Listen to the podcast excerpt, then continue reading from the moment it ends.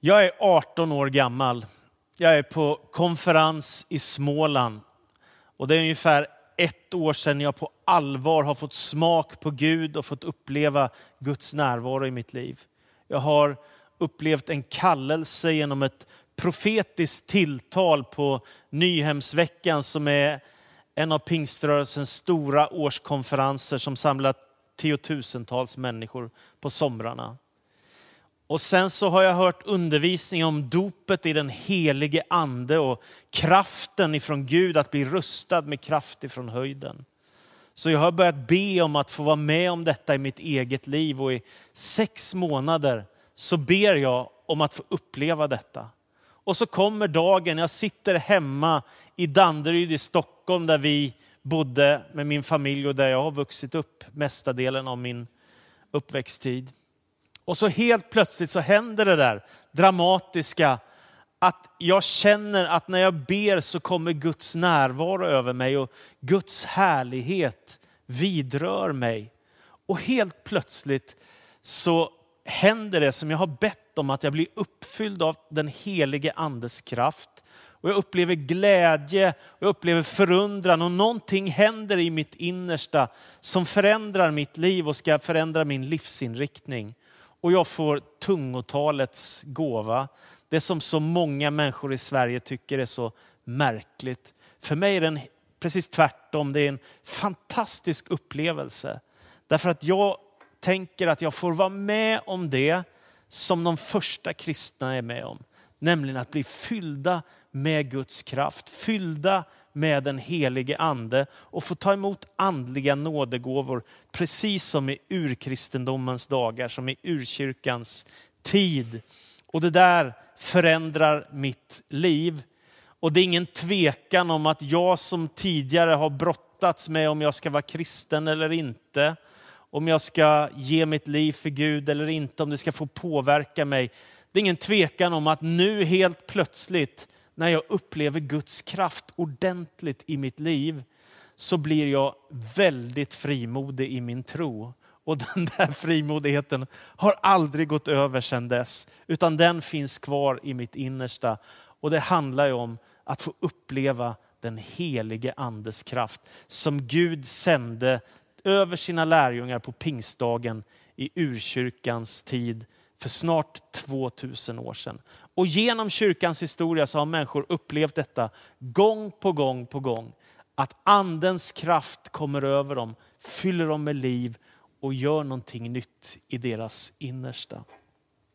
Jag vill ta dig med nu till en text som handlar om när Jesus blir fylld av helig ande och proklamerar det som han ska göra här i världen. Och jag läser ifrån Lukas evangeliets fjärde kapitel och från vers 14 till vers 22. Så här står det.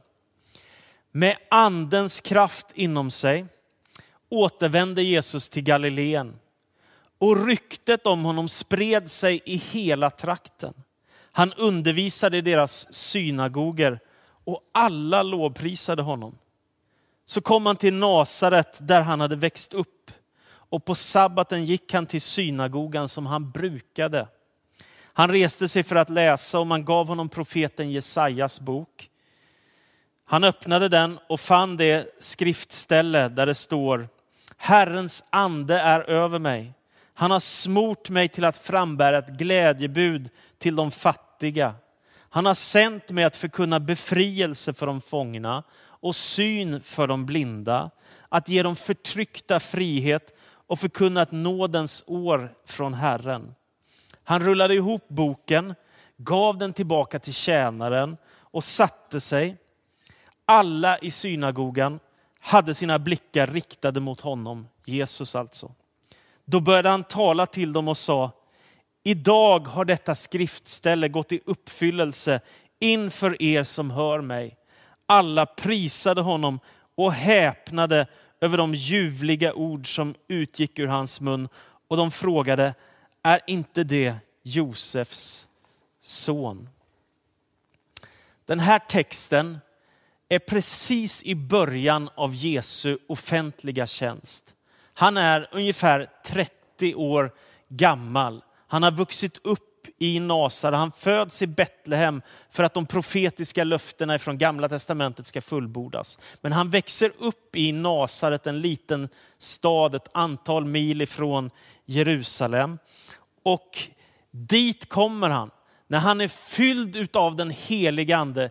Kristus har i dopet i vatten tagit emot av andens kraft ifrån himlen och Fadern har talat med en röst från himlen att detta är min älskade son, den utvalde. Lyssna till honom. Så anden har nu fyllt Jesus med sin gudomliga kraft och härlighet och nu börjar mirakel och under ske genom Jesus Kristus. Han är uppfylld av glädje, han är uppfylld av andens närvaro. Och nu börjar han undervisa i synagogorna runt om i Israel. Och den här dagen är han i Nasarets synagoga i sin hemstad. Och så går han fram för att läsa profeten Jesajas text ifrån Jesaja 61. Och så läser han texten och så säger han de ofattbara orden. Idag har detta skriftställe gått i uppfyllelse inför er som lyssnar på mig. Och om man då tänker på att den här texten är 700 år gammal, att den handlar om Messias när han ska komma en dag. Och att Kristus nu står i denna synagoga och säger, idag har detta ord gått i uppfyllelse inför er som lyssnar på mig. Tänk dig att sitta där, veta om en 700 år gammal profetia och så säger Jesus, idag har skriftens ord gått i fullbordan. Det vill säga Jesus säger, nu är jag här, den Messias som folket har väntat på i århundraden. Och så kommer Jesus med sin programförklaring, vad det är han ska komma för att göra. En del människor har mycket fördomar om kristen tro, att det är något för religiösa människor som inte har något bättre för sig än att sitta i kyrkan år ut och år in. Men det handlar inte om det, utan det står att Herrens ande har kommit över Kristus och han har blivit smord till att frambära ett glädjebud till fattiga människor. Han har blivit sänd att förkunna befrielse för fångna och förtryckta människor. Han har kommit för att hela och läka människor, ge syn åt de blinda. Han har kommit för att ge förtryckta människor frihet och förkunna att nådens år ifrån Herren. Det som fanns i Israel, ett jubelår, att nådens år från Herren. Detta är Jesu programförklaring. Det är detta som Jesus har kommit för att göra. Jesus har inte kommit för att ta människor in i en religion. Jesus har inte kommit för att göra människor religiösa och inbundna och inkrökta och tråkiga och torra. Utan Jesus har kommit för att ge människor liv och övernog. Han har kommit för att ge välsignelse, frihet, glädje, frälsning, hopp, mening, evigt liv, syndernas förlåtelse, helig ande och kraft. Det är därför som Jesus har kommit. Och nu börjar den här fantastiska Jesusrörelsen. Människor i tusental söker sig till Jesus. Dels för att ingen har talat som han har gjort.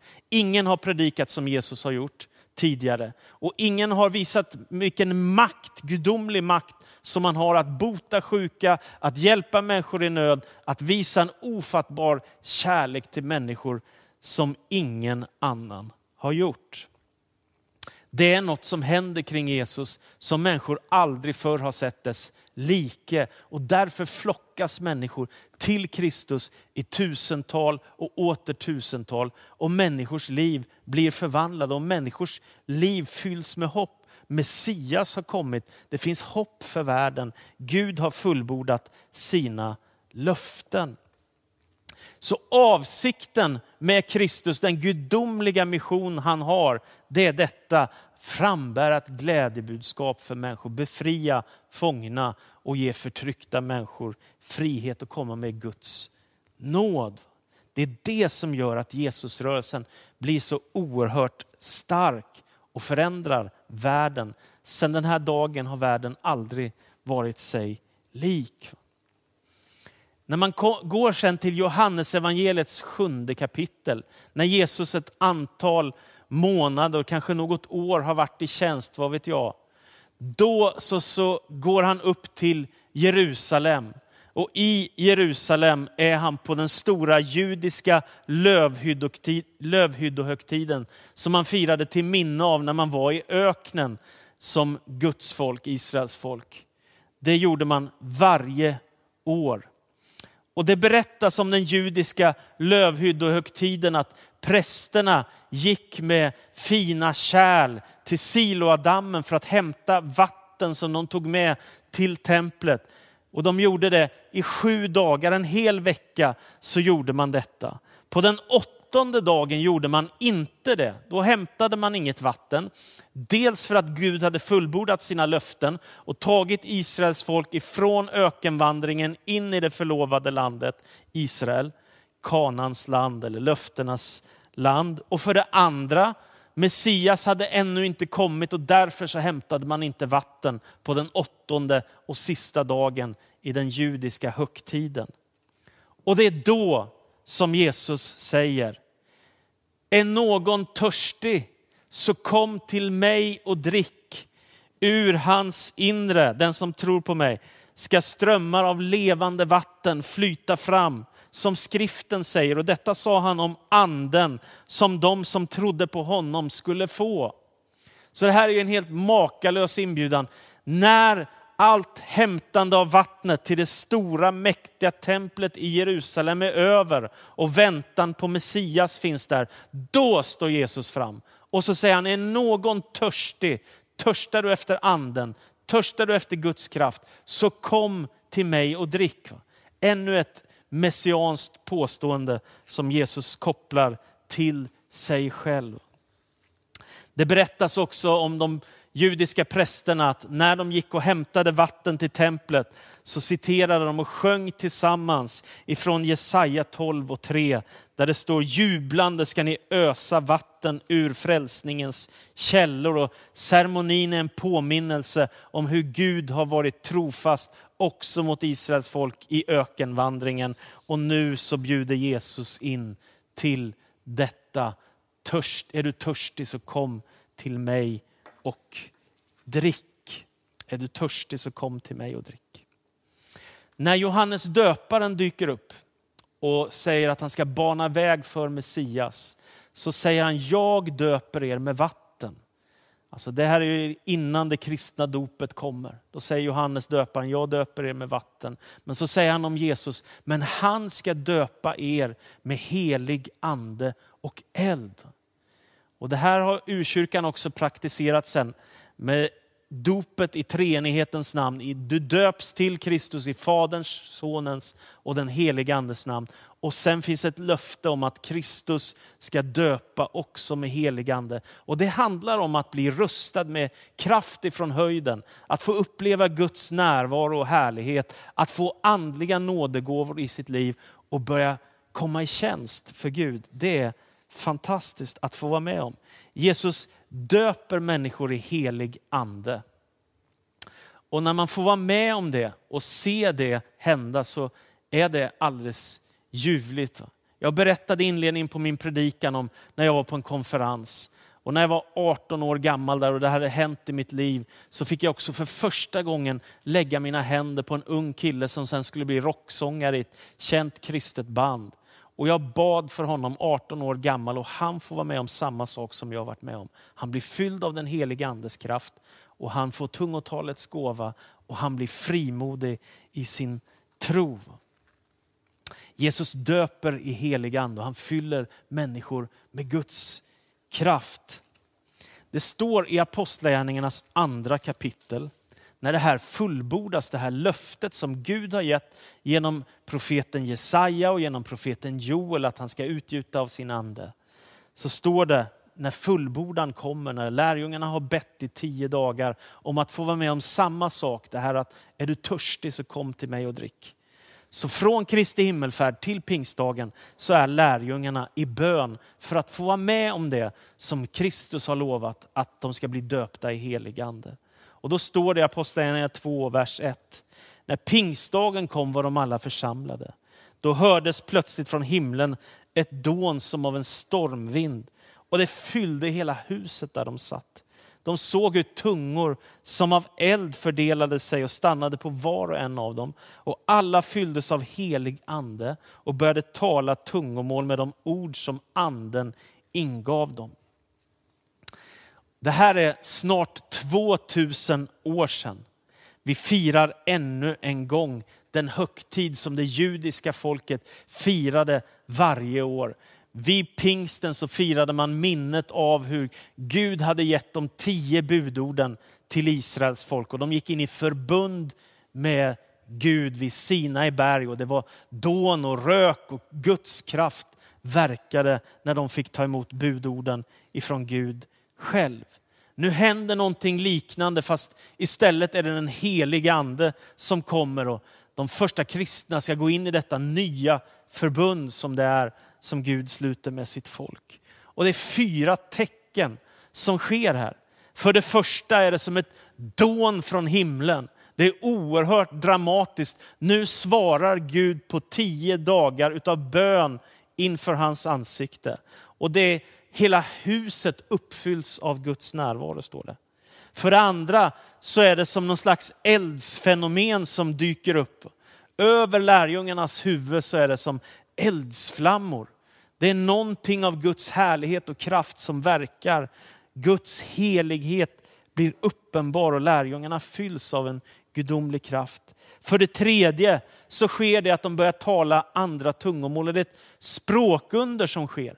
Och det häftiga är när man läser Apostlagärningarnas andra kapitel så kan man se att alla de här människorna som var samlade till pingsthögtid i Jerusalem, människor i tiotusental, de hör lärjungarna tala på deras eget språk om Guds väldiga gärningar. Det är fantastiskt, det är ett språkunder som sker, som verkar mitt ibland folket i Jerusalem. Och det fjärde, det är att nu kommer Guds heliga andes kraft över lärjungarna, var och en personligt, så att de blir fyllda av denna gudomliga kraft, rustade med kraft från höjden som Jesus har lovat dem. Och helt plötsligt är det så att aposteln Petrus, som bara 50 dagar tidigare vid påskhögtiden har förnekat Jesus inför folket när han skulle korsfästas. Och inte vågat stå upp för honom. Nu när han har blivit fylld med den heliga andes kraft så vågar han ställa sig inför tusentals människor och predika om att Jesus är Messias. Jesus är världens frälsare. Jesus Kristus har dött för våra synder. Han har uppstått från de döda. Han lever igen och han vill fylla oss med kraft. Så det som händer här idag, säger Petrus, det är att det som profeten Joel har sagt i det andra kapitlet, det fullbordas. Att han kommer med sin helige ande över unga och gamla, tjänare och tjänarinnor, män och kvinnor. Han utgjuter sin helige ande över oss. Det är det som fullbordas idag. Och då frågar han, vad ska vi göra då med det budskap ni har? Och säger han, omvänd er, låt er alla döpas i Jesu Kristi namn, så får ni förlåtelse för era synder och den helige ande som gåva. Och så får han döpa tillsammans med sina vänner 3000 människor på en dag. Och jag menar att den kristna kyrkan behöver den helige ande och världen behöver den helige ande. Vi är i desperat behov av gudomlig kraft. Du vet, utan den helige ande så är Gud långt borta. Utan den helige ande så är Jesus bara en gåtfull historisk figur i, det i, i historien. Utan den helige ande så är Bibeln en stum text som man kan läsa som en historiebok. Utan den helige ande så är den kristna tron som någon slags torftig idé som man ska försöka ta till sig. Utan den helige ande så blir det bara kraftlösa traditioner som en religion. Utan den helige ande så blir församlingsarbete bara massa slit och verksamhet. Utan den helige ande så finns ingen verklig gemenskap med Gud. Utan den heliga ande så blir kyrkans gudstjänster bara ett program som man ska dra igenom och sen är det klart. Utan den heliga ande så är missionen bara livlös propaganda som inte leder någonstans.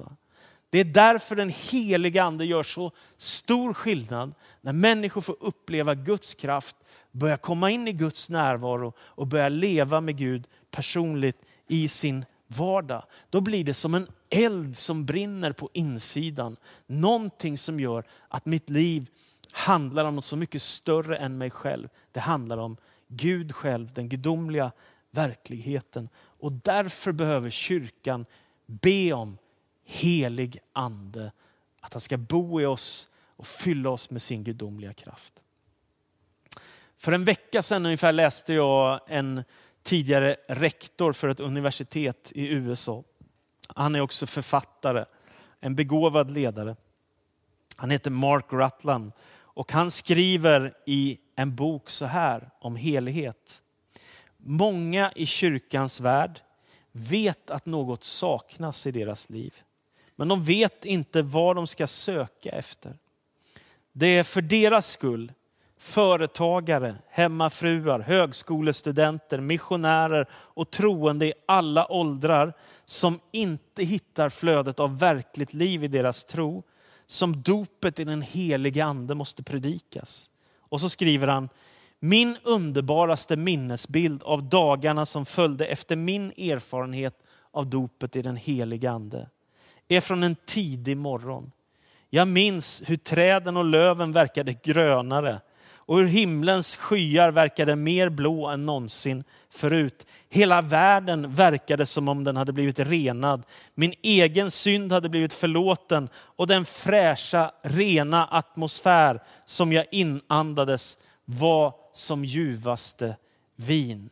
Det är ett exempel av väldigt många, hundratals miljoner människor som har upplevt att bli uppfylld av den helige andes kraft och hur det förändrar livet och skänker hopp och glädje in i vardagen.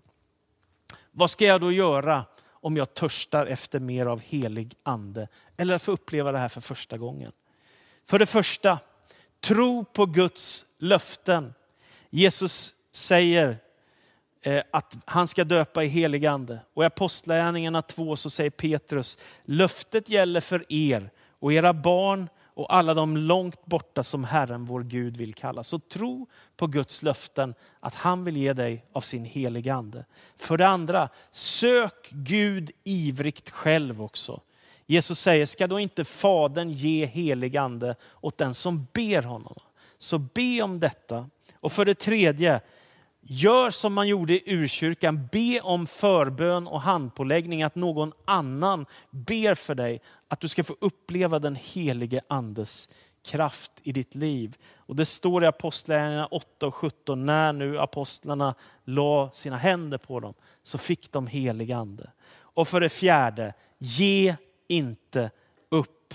Jesus säger till lärjungarna vid Kristi himmelfärd, Vänta på det som Fadern har utlovat. Johannes döpte med vatten, men ni ska bli döpta med helig ande om bara några dagar.